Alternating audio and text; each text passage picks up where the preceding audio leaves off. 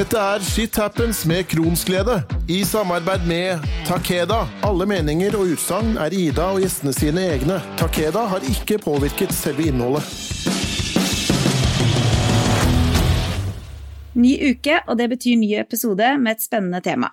At det som oftest er Crohns og ulcerøs kolitt som dras fram når det snakkes om fordøyelsessykdommer, gjør jo at folk flest tror det kun er de sykdommene som finnes i den kategorien. Det er jo selvfølgelig ikke riktig. Derfor skal vi da snakke om en av disse mindre kjente diagnosene, som ikke er noe lettere å leve med enn de to mer kjente sykdommene. Eh, til felles så snakker vi om en sykdom som er kronisk, livslang og livsendrende. Sykdommen vi da skal snakke om, heter kjemisk kolitt, og med meg har jeg Veronica Roxette Tørseth, som for et år siden fikk denne diagnosen. Velkommen til deg, Veronica. Tusen takk. Det er utrolig fint at du ønsker å fortelle litt om en sykdom som egentlig veldig få vet eh, noe om. Ja. Aller først da, så tenker jeg at uh, du kan få lov til å fortelle litt uh, Hvem er du? Jo da, jeg er Veronica, 40 år. Jeg er gift, har to barn, en på ni og en som blir tolv. Bor i Trondheim og jobber som helsefagarbeider og har gjort de siste 22 årene. Eh, og da hovedsakelig på natt. Eh, og fikk da for et år siden diagnosen iskemisk kolitt. Ja. Eh, og så har jeg hatt IBS da i 15 år i tillegg. Og sånn for å starte helt der som det gjerne ofte starter, da, så regner jeg jo med at eh, symptomene dine ikke kom akkurat den dagen du fikk diagnosen. Eh, så hvordan var det for deg den tida før liksom, selve diagnosen ble satt? Jo da, det er vel ganske sammenfallende når jeg fikk den IBS-diagnosen for 15 år siden. For da hadde jeg en del sånne episoder eller anfall da, som de eh, opererer med på sykehuset, eh, med blødninger, men stort sett bare IBS-symptomer. Og så innimellom så fikk jeg eh, iskjemisk anfall, som fører til ganske store blødninger og intense smerter. Mm som er veldig vanskelig. Men så har det vært rolig imellom, og har vært inn på fire kolonoskopier og en rektoskopi. Og det tar jo gjerne en stund fra legen henviser deg til kolonoskopi, til du får den. Og alle kolonoskopiene har vært fine utenom den siste. Ja, det har jo tatt da for lang tid ikke sant? fra du hadde eh, dette anfallet til du faktisk får undersøkt tarmen. Eh, ja. Mm. Det er jo litt typisk, det. Ja, det er det. Så den, eh, det er jo litt sånn at hvis du har en IBS-diagnose, så kan jo den kamuflere ganske mye. For det er ganske mm. mye som går under den paraplyen. Absolutt. Men så var det for et år siden, da, så var du på en hyttetur med familien hvor ting blei sånn skikkelig ille. Fortell litt om, eh, om det. Jo da, jeg hadde vært litt sånn små, følt meg litt urven og hadde ganske heftig IBS-periode, eh, trodde jeg. Eh, og våkna i tretida på natta av intense magesmerter, og da skjønner jeg jo hva som mm. kommer foran meg. Så jeg stabber meg over tunet på den hytta vi har, og ut på utedoen. Og der ble jeg sittende en ganske god stund, svimmel og uvel, og trodde at jeg skulle gå i bakken og bli sittende og tror at jeg har diaré, for det var ganske mm. mørkt innpå der, og jeg satt i mm. mørket. Um, og for nå hele natta der egentlig fram og tilbake fra seng til utedo. Eh, og det bare fossa. Og så når daglyset kom, da, så så jeg jo at det var jo ikke, eh, var ikke diaré, det var blod, da. Det fossblødde. Så, og da ved flere anledninger, da, når jeg var, gikk mellom seng og hytte og utedo, så holdt jeg på å datte om og hadde store problemer med å komme over tunet. Men ville ikke vekk vekke familien heller, da. Så når de våkna, så lå jo jeg ganske tung søvn. Mm. For da hadde det roa seg litt. Men eh, når jeg våkna igjen, så var det på'n igjen. Og da måtte vi bare dra hjem. Og da var det rett inn på sykehus, og da ble jeg lagt inn med en gang. Ja. Og på sykehuset da, så regner jeg med at eh, undersøkelsene starta. Eh, kan du ikke kanskje fortelle litt om erfaringen rundt disse undersøkelsene også? Eh, litt sånn først. Ja, jeg har jo vært lagt inn flere ganger pga. kraftige magesmerter. Og det er jo da ofte jeg har fått kolonoskopi et par måneder etterpå. Men jeg var såpass dårlig når jeg var her. Og han som tok imot meg på mottaket, han sa jo vent litt, det er jo ikke helt vanlig med så kraftig, eller med blødninger i hele tatt med IBS, men da har de jo alltid avskrevet som IBS, eh, mm. komplisert IBS eller alvorlig IBS. Eh, men han sa jo det stemmer jo ikke med, med beskrivelsen av diagnosen. Mm. Så eh, han sendte meg videre, da, og jeg ble lagt inn på medisinsk eh, gastro. Eh, og var såpass dårlig at jeg var nærmest kobotøs. komatøs. Jeg hadde ikke fått i meg mat og drikke på flere dager, og det var noe intravenøst og, og sånn. Det var mange runder der, da. Og så fant de ut at men da sender de meg på en rektoskopi.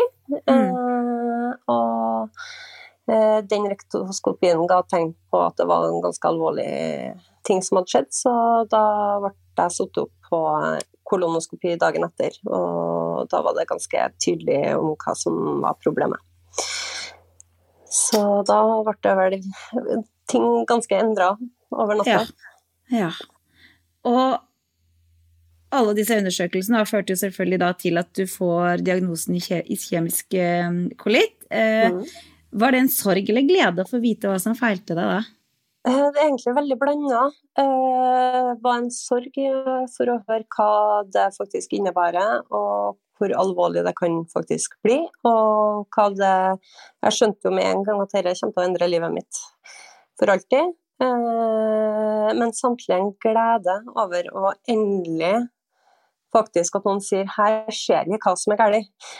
ikke bare er jeg, nei, men det er IBS som er det er trasig med IBS, men du må bare finne ut hvordan du skal takle det. Så så ble, da ble jeg overflytta fra eh, medisinsk gastro over til kirurgisk gastro. Eh, og det ble en ganske annen opplevelse. Mm. For de som nå hører på, kanskje ikke helt vet hva, hva iskjemisk kolitt er, kan ikke du prøve å forklare oss litt? Jo, det kan jeg gjøre eh, ut ifra mine kunnskaper. Så eh, det, eh, hvis du ser for deg tarmen eh, og har, en, eh, har tarmen din nedom deg, så går jo den i tykktarmen i en loop rundt magen. Mm. Eh, og har vel tre plasser den får blodtilførsel fra ganske store arterier. og på høyresida, den som er den største plassen du får blod, der er det en hindring som gjør at eh, tarmen ikke får blodtilførsel. Og hvis tarmen ikke får blodtilførsel, så blir den jo nekrotisk og kan dø. Mm. Så det er vel hovedsakelig det som er en iskemisk kolitt. Og den kan jo oppstå av ulike grunner, eh, oftest eh, hos damer av en eller annen grunn. Mm. Og uh, gjerne i 75-årsalderen, så jeg passer ikke helt inn i det bildet. Uh, og det var kanskje derfor at uh, For de så i papirene mine fra en tidligere kolonoskopi at de hadde sittet i kjemisk og litt med spørsmålstegn bak, ja. og ikke gått videre med det. Mm. og så er det, kan du få det av stort amfetaminmisbruk i ung alder. Eh, ja. Noe som er veldig Jeg fikk det på en litt kjedelig måte. Jeg har eh, trena veldig mye og veldig hardt. Og drevet på med langdistanseløping. Og det å gjøre at eh, blodtilførselen fra tarmen kan bli kutta. Ellers mm. kan det være en blodpropp da, som forårsaker det her. Ja. Og er det blodpropp, så tar de ut proppen, og da har du fiksa det. Og da får du ikke noe tilbakefall. Eller så kan du gå på blodfortynnende. Eh, noe de mente var litt komplisert i og med at jeg er såpass ung, eh, mm. og ville helst unngå det. Så og de, så vidt jeg forsto på sykehuset, så er jeg vel den eneste eh, som hun visste av i landet her med den diagnosen her i så ung alder. Ja. Men jeg har lest og sett at det er vel kanskje ikke helt tilfellet. Og så er det mange som kanskje er udiagnostisert ja. med denne sykdommen. Mm. Det vil jeg jo tro. Eh, vi har jo et møte før innspilling hvor vi blir litt bedre kjent, eh, og jeg får litt eh, innblikk da i historiene. Det gjelder jo alle jeg møter. Kan ikke du fortelle litt hvordan du oppfatta helsevesenet før og etter diagnose? For det tror jeg faktisk mange kan kjenne seg litt igjen i. Ja, det er jo over 15 år siden jeg fikk IBS-diagnosen. Og de gangene jeg har vært innlagt pga. det som mest sannsynligvis er kjemiske kolittanfall, så eh, har jeg jo blitt avskrevet med at eh, Men det er bare IBS. Eh, IBS kan jo være ganske heftig, det. Mm. For eh, dem som lever med det, og i, en, i hvert fall i en alvorlig form. Eh, og den plager meg i større grad den i hverdagen uh, i vesen enn den kjemiske kolitten. Uh, så jeg har opplevd å bli tatt på alvor på en helt annen måte. Legene oppførte seg annerledes. Fastlegen, eller fastlegen min og alle vikarene der hoppe bare jeg ber dem om det. Så det blir litt sånn De eh, tilnærmer seg deg med et større alvor og mm. oppfatter det annerledes. Du går litt ut av den der som kanskje mange leger ser på som litt sånn hypokondertendenser, eller en ø, psykisk ø, tilnærming til det med mageproblemer, for alle har jo vondt i magen hvis de er mm. stressa eller har det mm. trasig. Og du blir ofte avskrevet med det, da, med IBS. Men eh, med i kjemisk kolitt så er det veldig sånn I og med at det blir en kirurgisk diagnose, og så de er klar over at utfallet kan være ganske øh, dødelig, mm. så øh, tar de det på en annen måte. Hva tenker du om det? Er det Det må jo både være godt å bli tatt på alvor, samtidig som det er jo litt dårlig gjort, da? Ja, det er veldig godt å bli tatt på alvor, endelig, og slutte å føle meg som en hypokonder. fordi ja. det har jeg følt meg som lenge. Det er, liksom bare, det er bare magen. Ta deg sammen. Mm. Eh, og stress ned. Eh, men jeg fikk også en veldig sorg over det. Eh, for alle som lever med en eh, veldig alvorlig IBS, som eh, gjør at de blir uføretrygda og ikke kommer seg ut av huset, og ikke mm. blir tatt på alvor av legene sine.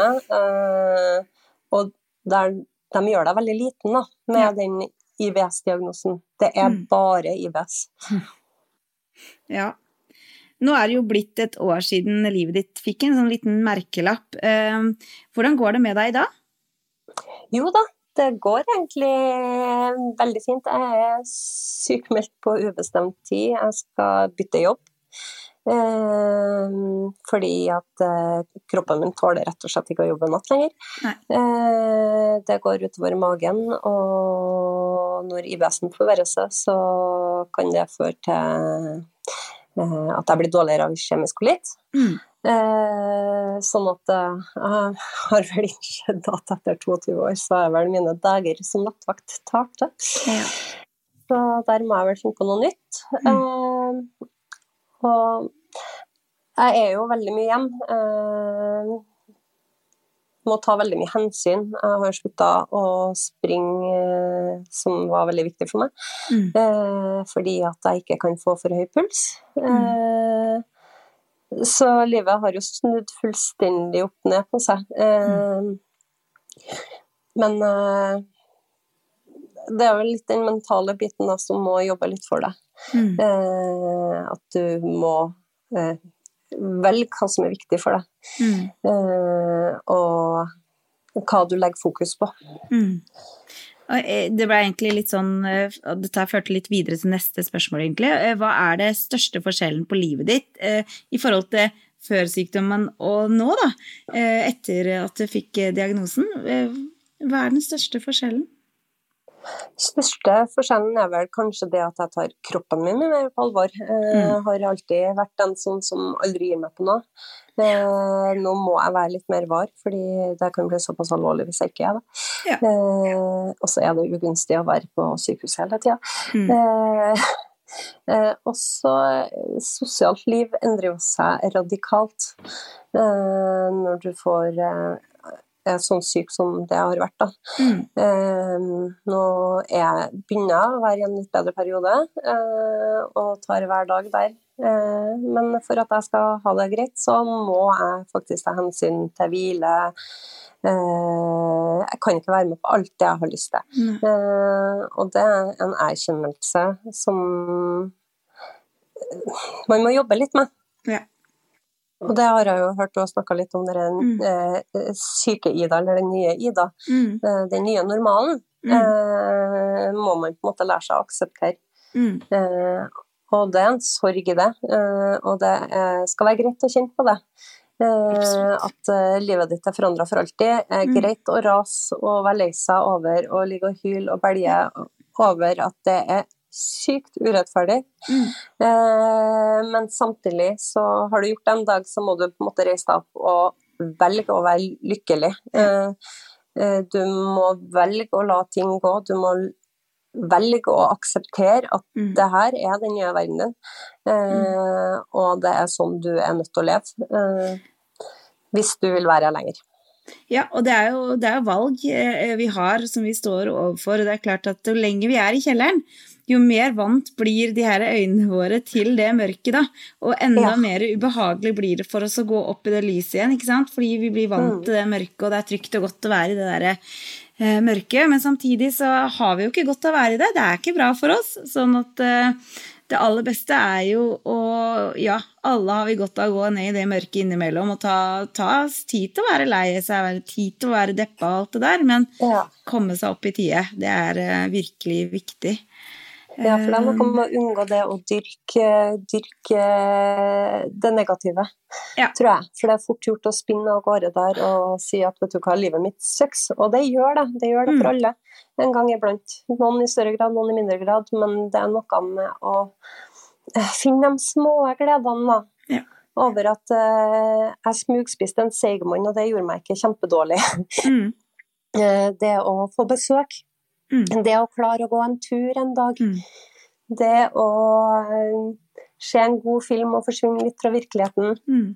Det å faktisk Nå er jeg fullvaksinert, og det å kunne gi en god klem ja. til ei venninne som også er fullvaksinert, det er, har blitt litt større ting. Ja. De føles ikke så små. Altså, jeg tenker at man får gjerne et litt annet syn på, på livet sitt, da. Eh, når man Veldig. får eh, Ja. Eh, og så har jeg litt lyst til å spørre deg om eh, hvordan har det blitt eh, i forhold til eh, eh, ja, har, har, du vært åpen med familie, venner, arbeidsplass? Har du valgt den biten, eh, eller har du valgt å holde det bare for deg selv? Nei, nå er jo jeg jobbsalt av en uh, annen rang, eh, men jeg fant veldig fort ut at hvis jeg skulle gå skjul og Eh, ikke fortell eh, folk hvordan jeg har det, eh, mm. og du trenger ikke å fortelle liksom, alt det dype og det hardeste og det vanskeligste. Men for at dem du har rundt deg skal på en måte skjønne hvorfor du har så mye dårlige dager, og hvorfor du er så sint og hvorfor du er så lei deg, for det òg kan komme ut av det blå, mm. så tror jeg det er viktig å fortelle. Mm. Eh, jeg har vært fullstendig åpen med alle dem som er rundt meg. Eh, også fordi de skal forstå at jeg, det er ikke bare fordi jeg er lat at jeg ligger på sofaen og tar en dupp hver eneste dag, kanskje opptil flere. Eh, det er fordi at jeg må det. Ja.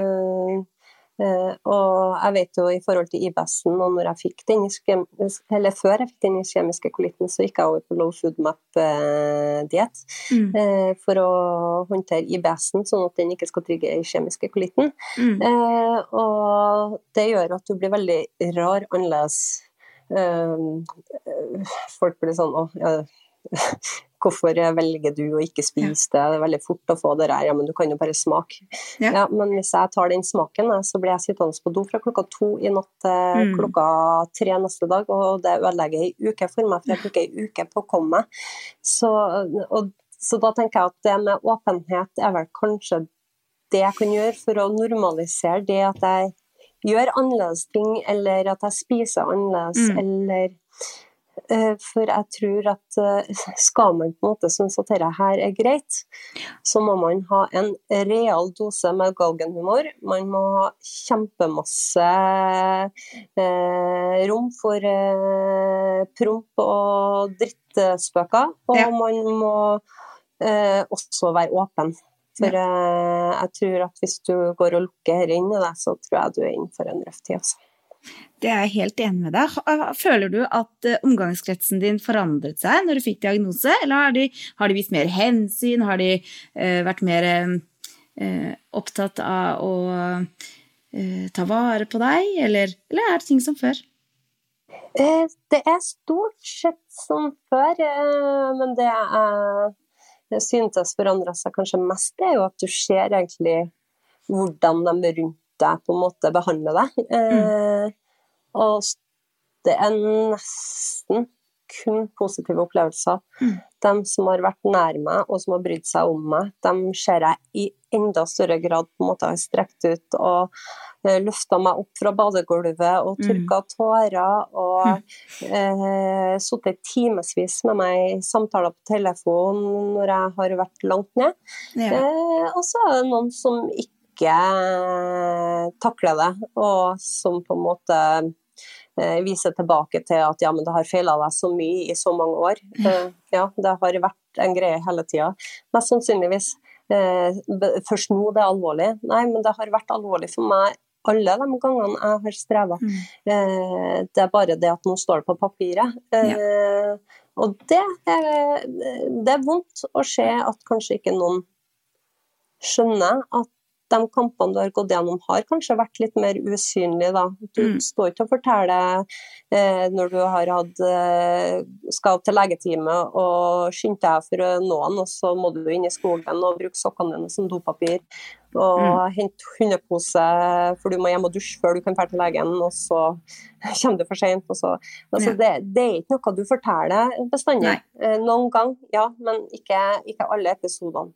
Eh, så klart at det kan jo være litt vanskelig for folk å forstå hvor på en mm. måte eh, invalidiserende det kan være å ha en sånn her type sykdom. Eh, og det gjør at folk synes kanskje at det er vanskelig at eh, du kanskje ikke har vært den beste vennen. Men eh, man har gjort på en måte det man kan da, med de ressursene man har hatt tilgjengelig akkurat der og da. Eh, og, og så tror jeg det kan være vanskelig å forstå hvis man ikke har opplevd sykdom selv på kroppen, da. Nei, eh, og det er jo liksom det der, ja, men du, det at du får beskjed om at eh, ja, men det har feila deg så mye i så mange mm. år, ja, men det er faktisk ingenting jeg har spurt om sjøl. Jeg har ikke gjort det her eh, Jeg har ikke unna min verste fiende. Nå har ikke noen fiende heller, han har ikke unna noen. Så jeg tror ikke man klarer å forstå i hvilken grad man ikke har noe valg i det heller. Eh, og der ser jeg jo de vennene mine som har løfta meg opp og fram. Eh, dem, skal, eh, dem, har jeg kunnet takke hver dag. Mm. Eh, fordi de har gjort at eh, man kommer seg opp da når ting er så bekmørkt. Mm. Eh, og dem er jeg evig takknemlig for. Mm. Dere vet hvem dere er. det var veldig pent sagt, tenker jeg. Eh, og så er det jo ett ord da, som du har sagt nå flere ganger som jeg tenker vi kan snakke litt mer om, og det er jo ordet 'bare'. Eh, for det ordet 'bare' er jo et ord som eh, ofte blir brukt i helsesammenheng som du ikke er så veldig fan av, eh, og som jeg absolutt følger deg med. Men fortell hva du tenker der. Jo, fordi det er når du ligger på sykehuset og du er kjempeklein og eh, alt det som skjer rundt deg er i de boblene, og så kommer legen og sier ja, men det er bare IBS. Eh, den derre bare det må de slutte å bruke, mm. for det får deg til å føle deg så liten. Og jeg er i 80 høy, så jeg skal litt til for å få meg til å føle meg liten. Men vet du hva, jeg har følt meg 10 cm høy når de sier ja, mm. men det er bare IBS. Du ligger der og du føler deg som en hypokonder. Mm. Du ligger der og tenker åh, jeg skulle ha gjort noe annerledes for å få det her bort. Ønsker det bort. Men det er ikke noe du har noe valg over. Så de må slutte å bruke det ordet bare. Mm. Ja, for det kan jo være virkelig ødeleggende. For, for vi er oss sjøl nærmest, og det er jo ikke noe tvil om at uh, det er ikke bare. Uh, det å ha IBS er virkelig ikke tull. Um, uavhengig. Og jeg tenker at om det er IBS, eller om det er uh, Crohns ulcerøs kolitt, kjemisk kolitt, eller Det spiller ikke noen rolle, fordi um, er man dårlig, så er man dårlig. Um, og det skal respekteres. Ja. Nå skal vi snart uh, avslutte, men jeg tenker jeg pleier å spørre et spørsmål til alle gjestene mine. Uh, har du noe råd som du uh, kunne gi til noen som kanskje sitter og tenker at åh, oh, dette her er jo litt sånn som jeg har hatt det? har du noen tips og råd der? Ja, det har jeg. Og det er mitt kamprop, altså. Det er å faktisk ikke gi opp kampen. Mm. Fordi om de avskriver deg, og ja, ta en pause en gang iblant å gå inn i apatien, det er greit, det. Men du må ikke gi deg i det store og hele. Du må på en måte, Hvis du vet at noe ikke er rett, øh, øh, og fordi om Google forteller deg at det er rett øh, diagnose, eller hvordan du nå kommer fram til det, men du merker at det er et eller annet som er off, så må du ikke gi deg. Eh, og ja, vær svak og vær alt det der, men reis deg opp igjen da når du har en bedre dag. Eh, å stå på. Eh, det tok meg 15 år å få diagnosen på papiret. Mm. Eh, og så mye angst og så mye alenehet man på, føler på når man ligger der og er så dårlig. Eh, det unner jeg ingen. Eh, så ikke gi deg. Det er deg mm. sjøl du kjemper for. Og for at de rundt deg skal ha det bra med deg, så må du først og fremst ha det bra med deg sjøl. Mm. Det var et fint tips, syns jeg.